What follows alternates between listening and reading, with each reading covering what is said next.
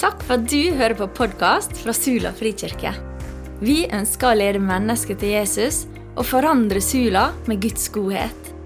Denne talen er spilt inn på en av våre gudstjenester, som er på søndager klokka 11. Vil du vite mer om oss, finner du mer info på Facebook eller på sulafrikirke.no. Du er alltid velkommen til Sula frikirke.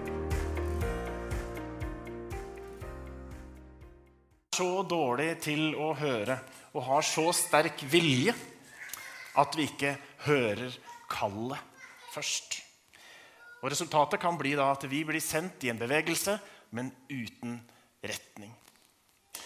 Og jeg var lenge en sånn en. Skal fortelle noe av min historie for å fargelegge eller for å forklare noe av dette her. For min historie så langt har vært en historie om endring og om bevegelse. Og så synger vi 'For så langt har du vært med meg'. Alltid vil du være nær, alltid vil du være der, ved min side. Og det er mitt vitnesbyrd. At Gud har vært med så langt. Og derfor kan jeg gå, derfor kan jeg våge å sette meg i bevegelse. Og eh, etter 22 år som lærer så lærte jeg noe om at eh, Endring og bevegelse, ja, det er hverdagen. Endring er hverdagen. Det er sikkert flere lærere her, og da vet du det og kjenner det på, på kroppen. Og det er godt å vite at det er en del av hverdagen. Ikke komme overraskende hver gang det skjer. Men før, eh, før jeg begynte som lærer, så, så, reiste jeg av gårde til Bergen. For der hadde jeg en eh, kjæreste. 19 år gammel, reiser til Bergen. Hadde ikke jobb, jeg hadde ingen utdanningsplaner, jeg hadde ingen mål. Det var mye bevegelse, men det var totalt uten retning. Til da stor fortvilelse for min eh, kjære mamma, som da hadde oppdratt meg i en katolsk tro. Så jeg er eh, vokst opp som, som katolikk. Kanskje den første tidligere katolikken som er her i Sula Frisik og taler. det vet jeg ikke. Eh, og det var også vondt for henne da jeg forlater troen og går helt ut av det eh, i 17-18-19-årsalderen. Og er knallhard på meninger, knallhard på diskusjoner, for jeg vet jo hva som gjelder. Jeg har jo skjønt det. ikke sant? Og det var derfor mange som skjønte lite da jeg i voksen alder, ca. 24 år gammel, tok imot Jesus og blei en troende. Og hvordan gikk det med de knallharde meningene? Jo, de fulgte jo med meg. For nå hadde jeg jo virkelig skjønt det. Så eh, samtidig så er jo her at den, den, store bevegelseskraften den ligger jo i Den hellige ånd. Det skjønte ikke jeg da, men det har jeg sett i ettertid. Og så eh, sang vi også at uten skam så kan vi få lov å komme. Og det er grunnen til at jeg står her. Det er grunnen til at jeg kunne bli en eh, menighetsplanter på Karmøy. Til at jeg etter hvert kunne bli pastor og tilsynsmann ja, Det er én grunn, og det er at Jesus har gjort det sånn at jeg kan stå her uten skam, og han går med. Og Det er den frimodigheten som, som jeg går i. Og så håper jeg at jeg er litt mindre knallhard på meninger og diskusjoner. Fordi Jesus har gjort noe med meg i denne bevegelsen. Men samtidig så er det å, det å, være, å gå med Jesus, det er å være i endring så veit jeg Jesus han har arbeida med meg på veien. Og Det er et stort prosjekt, men ingenting er umulig for Gud. Så han har ikke gitt meg opp. Og han gir meg heller ikke opp herfra. Og enda bedre enn det han gir ikke deg opp heller. Uansett hvor du er, uansett uh, hvor du har tenkt deg hen, hvor du har vært hen, eller uansett hvor du er hen akkurat nå, så ønsker han å være nær deg, fylle deg med sin kjærlighet, med sin ånd og han ønsker å få lov til å tilgi deg alt du har gjort. Johannes 20 leser tre vers. Da kom Jesus. Han sto midt iblant dem og sa, 'Fred være med dere.' Og da han hadde sagt det, viste han dem sine hender og sin side. Disiplene ble glade da de så Herren. Igjen sa Jesus til dem, 'Fred være med dere.' Som Far har sendt meg, sender jeg dere. Så åndet han på dem og sa, ta imot Den hellige ånd. Sånn sendte Jesus disiplene, og sånn er vi sendt, alle sammen som tror.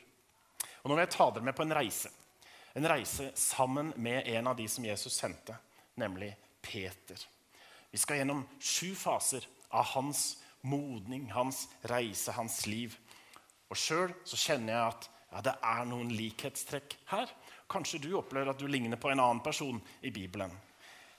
Men jeg opplever at noen av i hvert fall de første fasene, der ligner jeg også. Kan vi ha en drøm om å ligne resten etter hvert. Men når vi er sendt i bevegelse, så er det endring. Og endring er muligheter. Det er spennende. Det kan gi modning, utvikling, det kan gi vekst. Men endring kan også være forferdelig smertefullt. Og det kan være noen ganger ydmykende. Og Gjennom den reisen med Peter så eh, skal vi se hvordan bevegelse gir modning. Hvordan det ydmyker, og det er smerte der, men samtidig enormt fruktbart. Så da skal vi treffe Peter. Og eh, Han er godt dokumentert i Bibelen. Han er jo en av de mest omskrevne personer i Nytestamentet. Så skriver han to av brevene, men han er sentral i alle de fire evangeliene. Og Det som er spennende med Peter, det er jo denne utviklinga som han gjør. Da Peter møter Jesus, hvem er han da? Jo, da er han en fisker. Og det er det sikkert noen som her, eller i hvert fall så kjenner du noen som er fiskere. Og han blei da en disippel som sin bror Andreas. Så trodde han på Gud allerede da han møtte Jesus. Og han hadde sannsynligvis god kjennskap til Toraen, altså deres hellige skrift. Og som person så kan, vi, kan blir det antyda at han gjerne var, han var redd. Han var litt voldsom av seg. Og han var impulsiv, gjorde ting og sa ting uten å tenke. Men kanskje den viktigste egenskapen hans fra starten av det var at han stilte spørsmål. Han ville vite. Han ønska å være i bevegelse. Men så trengte han hjelp til å finne retning. da. Jesus valgte seg Peter til å lede sin kirke fra starten av. Peter var den aller første menighetsplanteren. Peter er spennende, og jeg tror vi kan lære en masse av ham. Så tror jeg vi skal lytte mest til det Peter sier etter at Jesus har reist opp igjen til himmelen. Men samtidig tror vi kan lære mest av det som skjer med Peter i starten, de første årene. Og Den første fasen det er at Peter han kalles til å følge, og så gjør han det. Fordi Jesus kaller Peter, han går langs Galileasjøen og ser to brødre. Så sier han, 'Kom, følg meg, så vil jeg gjøre deg til menneskefiskere.' Straks lot de garnet ligge og fulgte ham. Impulsiviteten lytter på kallet. Han sier 'kom'. Og noe gjorde at han gikk. Og Senere i denne fasen så gir også Jesus Peter et nytt navn. Så Han kaller han personlig. Og I den andre fasen så får vi se hva Peter får se hva Jesus gjør, og så blir han med i det. Så stiller han spørsmål uavlatelig. Hele veien stiller Peter spørsmål. Og noen av dem kan virke tåpelige, men han får lov å stille dem. Peters fiskefangst, historien kjenner mange av dere. Peter går på vannet. Som det eneste mennesket som vi vet om, hvert fall utenom Jesus, så får Peter lov å gå på vannet. Og han, når Jesus kommer gående der, så, så, sier jo Peter, 'Herre, er det deg?' Ja, så si at jeg skal komme. Så sier Jesus, 'Kom', og så går Peter. Og Der igjen er det det han ønsker å være der det skjer. Han ønsker å være til stede og gå på Jesu ord. Og Mange av utsagnene fra Jesus de har vi fordi Peter spør. 'Herre, hvor mange ganger skal jeg tilgi?' sier Peter. Så får han et godt svar. Det finnes ingen grense for det. Og Så tar Peter ordet mange ganger og sier, 'Forklar meg. Hva betyr dette? Her er det oss du mener nå.' Så spør han uavlatelig. I den tredje fasen ja, da viser Jesus Peter at 'jeg vil noe helt spesielt med deg'. Og Kanskje den mest kjente scenen her det er da Jesus profeterer over Peter, og like etterpå så irettesetter han ham. For Han sier til Peter at 'du er denne klippen jeg vil bygge min kirke på'. Og dødsrikets porter skal ikke få makt over den, sier Jesus. Tenk å få sagt det over livet sitt. Og like etterpå, når Jesus snakker om at han snart skal dø, og Peter sier nei, nei, nei, nei, det må ikke skje, og så sier jo Jesus til Peter, 'Vik fra meg, Satan', sier han. For Peter får høre, og han tar jo imot fra alle kanaler. Og så er jo Peter en sånn som eh, En som gjerne bidrar hele veien da de er oppe på fjellet ikke sant? med Jakob og Johannes og Moses og Elia. Og så foreslår Peter at han skal bygge hytter. Han ønsker å bidra hele veien, selv om det er tåpelig. Så vil han være med og, og bidra.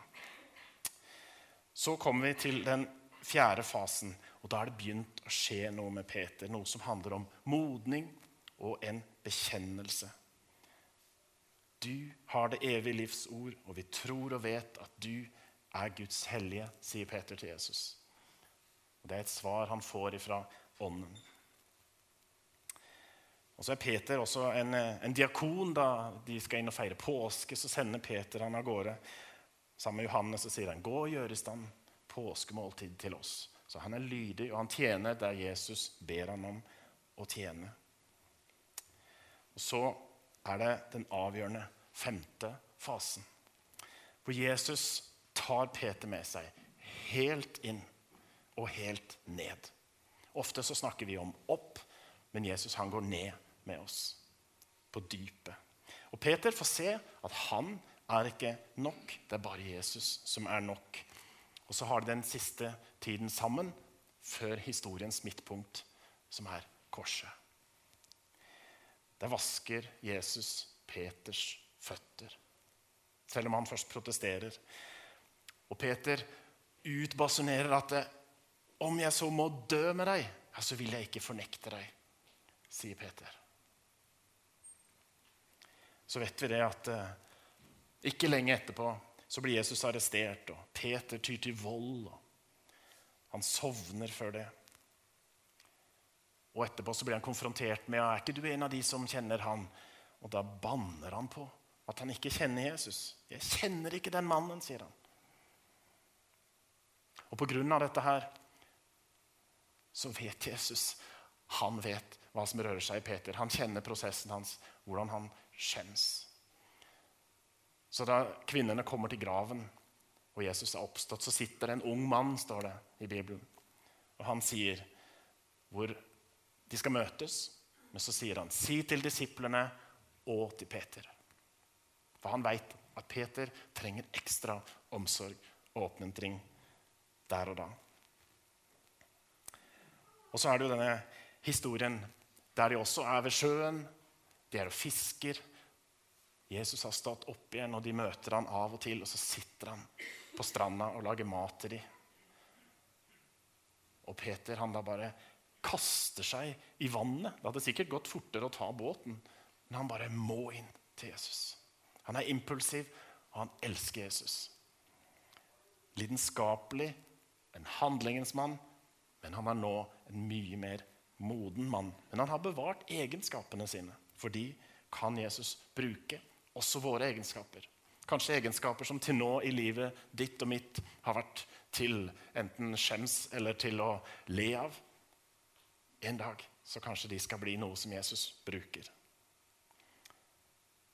Og så spør jo da Jesus Peter tre ganger elsker du meg og han svarer, fø, sauene, fø lammene mine. Vær hyrde for sauene mine. Fø sauene mine. Så Jesus bekrefter Peters kall.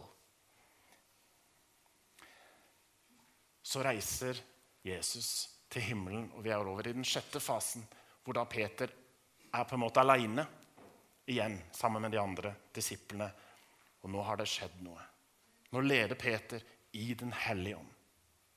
Og mennesker kan se at det har skjedd noe med han som tidligere var brautende, feig, ubetenksom. Og han taler til massene. For første gang 3000 mennesker blir frelst den første dagen. Og det er Peter som taler. Og seinere så helbreder han. Han blir tatt opp eh, inn til rådet, han blir arrestert og stilt foran rådet og blir piska. Og Han takker Gud etterpå fordi han fikk lov å bli piska. Han ble æra med pisken for å lide for Jesus. Det sier noe om en modenhet. Og Så slutter det ikke helt der, for han skriver også to brev som vi har i vår bibel. Men så er det også en sjuende fase, hvor Peter dør for Jesus. Jeg vet ikke om det er riktig å si at det er toppen av modenhet, men han dør i hvert fall for Jesus. Og etter legenden så korsfestet han, blir han korsfestet med hodet ned, for han er ikke verdig til å dø på samme måte som Jesus. Det står ikke i Bibelen, men det er den tradisjonelle oppfatningen som er mer og mindre historisk dokumentert. Men at han dør i Roma som en kristen leder pga. Det, det er høyst sannsynlig. Og Peter han er sammenlignbar for oss. Han begynte med begrensa talenter. Så sendte Jesus ham med det han hadde, og brukte det. Og Da han sendte han første gang, og da han kalte han, så visste ikke Peter at en dag så skal du tale for tusener. Og enda mindre, heldigvis, visste han at han skulle en dag dø for Jesus. Men han blei med, skritt for skritt, og holder seg i bevegelse. Jeg vet ikke om du kjenner deg igjen i Peter, i ditt liv. Noen av oss har levd et kort liv til nå, andre har levd lenge. Men kjenner du deg igjen i Peter? Eller er du der at du har, har du mye bevegelse i livet ditt og kanskje mangler retning? Jeg vet ikke, GPS er en god ting når vi snakker om retning. Um, opp med en hånd alle som har blitt ført vill av en GPS. Ja. Det er ikke alltid til å stole på.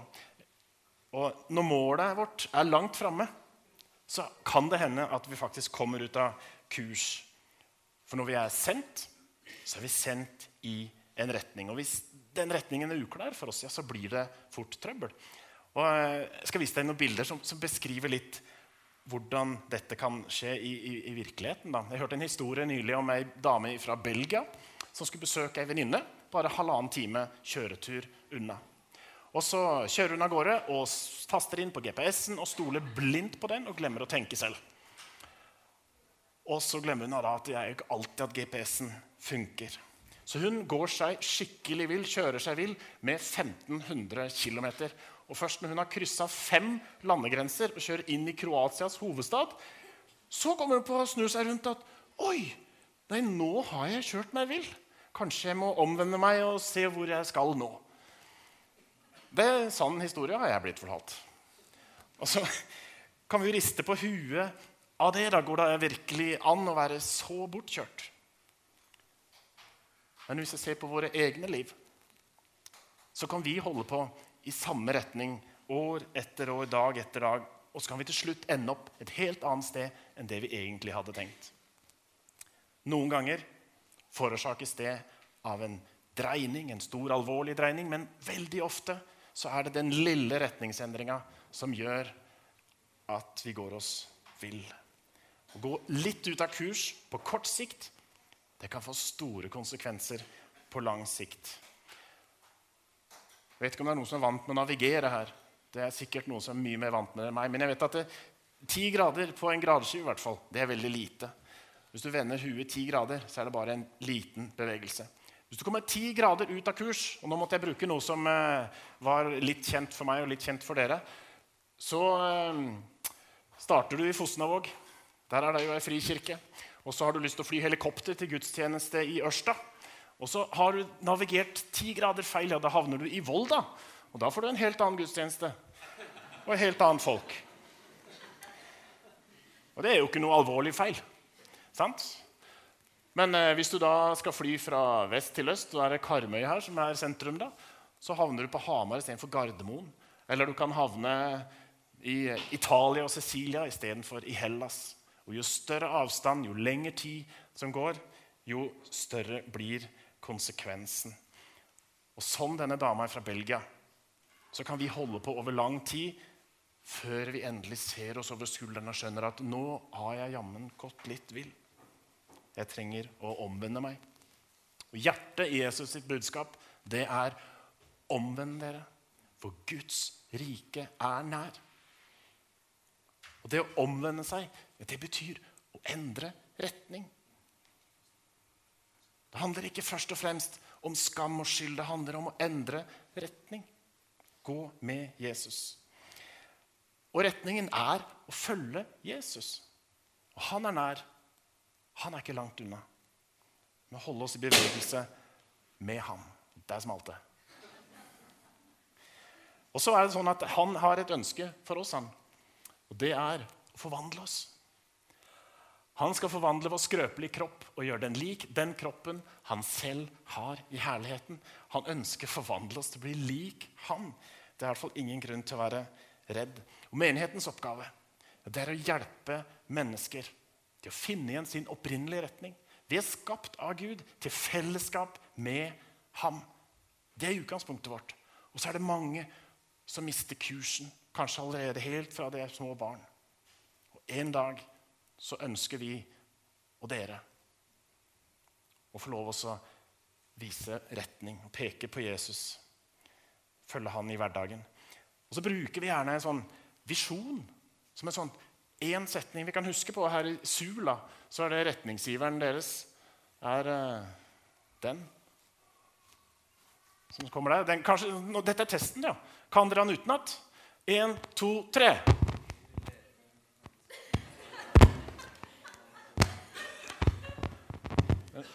Der, nei, det var jo helt feil. Der, ja. Vi tar den sammen, vi. Vi vil lede mennesker til Jesus og forandre Sula med Guds godhet. Det er ikke noe liten visjon. Det er en retningsgivende visjon. Lede mennesker til Jesus og sette folk i bevegelse. Og det som best beveger folk, det er Guds godhet. Og hun som var her i stad, fortalte om det. Fantastisk. Så kjekt å høre. Det setter hjerter i bevegelse. Og så er menigheten da først og fremst dere. Det er deg og alle de andre. Det er ikke først og fremst pastor og eldsteråd. Og så er det viktig at du selv tenker på at selv om dette er menighetens visjon, så lar du deg bevege av Jesus. Du lar deg selv forvandle. Du lar deg selv endre den retningen som, som Jesus gir deg. Skal jeg bytte litt her? Jeg får enda en ting å holde på, men det prøver vi. Er den på? Skifter du for meg? Tusen takk. Oh. Dere er så flinke her. Det er sånn uh, luksus. Ja, da må jeg holde den opp nesten. ikke sant? Yes. Da Hvor var vi nå? Ja. Vi må være sårbare for at vi skal la oss forvandle. Tenk deg at du har et sår og et sår kan være smertefullt. Der forbinder vi det gjerne inn. Og så er et sår ikke alltid så vakkert å se på, så vi skjuler det gjerne. Når vi er sårbare, ja, da er det som å ta av bandasjen. Åpne, blottlegge såret for at det kan få lov til å bli behandla. Og så skjønner dere sikkert bildet her at det handler ikke om et fysisk brannsår eller skrubbsår, men det handler om noe vi har, kan ha inn i livene våre. Og når vi lar Jesus få lov å arbeide med det, da blir vi forvandla. Da setter han oss i bevegelse, og vi blir endra til å bli lik ham. Og når vi gjør det, ja, da får vi lede mennesker til Jesus. For da bare ser de ut av det som skjer med oss. Det er Gud som handler, og vi får lov å være i bevegelse. Og så er Det sånn at det å være i bevegelse det er jo ikke noe kav. Det er ikke noe stress eller ny byrde men det er helt organisk. I naturen så er det sånn at jo mindre bevegelse det er i det som er i naturen, jo mer dør det. Det naturlige er bevegelse. Så er vi med Jesus og går det neste skrittet. Det å være moden og nå modenhet, det er villighet til å bevege seg. Villighet til å være sendt, til å bevege seg. Det handler ikke om mengden kunnskap. Jesus kalte mennesker og sendte de med det de hadde, fra der de var. Han tok ikke de best kvalifiserte. Peter er et eksempel på det. Men han hadde en hensikt, og kvalifikasjonene var at de var villige til å lytte, til å følge og til å være i bevegelse. Jeg skal vise en eh, figur her. Eh, den forrige, ja. Der. Der er Løffe blitt 50 år og har fått seg ny bunad og fornøyd med livet. Og på en måte så kunne jeg liksom eh, breie meg på det. Men så ser du det står en pil der og et punkt. Når du er i bevegelse med Jesus, så skjer det som skjer der på neste bilde. det er at jo mer vi beveger oss med Jesus, jo mindre blir det av meg. Og jo mer blir det av han. Det tror jeg er avgjørende viktig at vi, at vi forstår. Så Vi har hørt om Peters reise, så har du hørt litt om min reise. Hvordan er det med din? Hvor er du på reisa henne? Du er kalt. Du er sendt. Er det behov for en kursendring i livet ditt? Et nytt tiår, en god anledning til å justere kursen. Til å lytte til Jesus. Hva sier han til deg i livet ditt? Eller er det sånn at du har noen områder Det kan være sår, det kan være andre ting der du ikke slipper Jesus inn. Men du ønsker å holde det for deg selv. Jesus han sa aldri til oss 'behold kontrollen over livet ditt'. Han sa derimot 'stol på meg', sa han. Så det håper jeg at vi sammen kan gjøre. Og årsaken til alt dette, årsaken til at vi er sendt, det er at eh, han savner din nabo. Han savner din venn. Han savner dine kollegaer. Han savner de i familien din som ikke tror. Klassekameratene dine. Jeg har en drøm i mitt liv, og det er at mine, hvis jeg får barnebarn og oldebarn, at de skal få lov til å leve med Jesus. Og For at det skal være mulig, ja, da trenger vi faktisk å yte.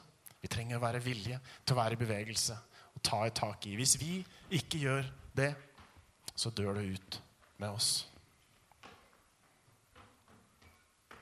Vi ber sammen. Gode, hellige, himmelske Far. Takker deg, Far, for at du aldri gir oss opp.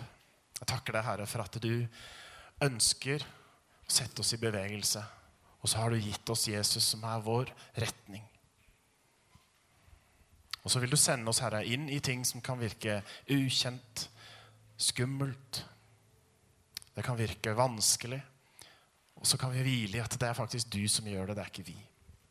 Og ber vi deg, Herre, at du leder oss, og du taler spesielt til de av oss som trenger en retningsendring. Og så ber jeg deg, far, at du taler til de av oss som kjenner at du er på avstand, eller kanskje helt ukjent. Takk, Herre, at du står der med åpne armer ønsker å ta imot oss. Være med oss. Og din nåde har ingen grenser. Så ber jeg, far, for de som har vonde opplevelser i ryggsekken sin. Jeg ber Jesus, at du tar de ut og at du leger det som trenger legedom, far. Gjør ditt verk i hver og en av oss. Vi stoler på deg, gode Far i himmelen.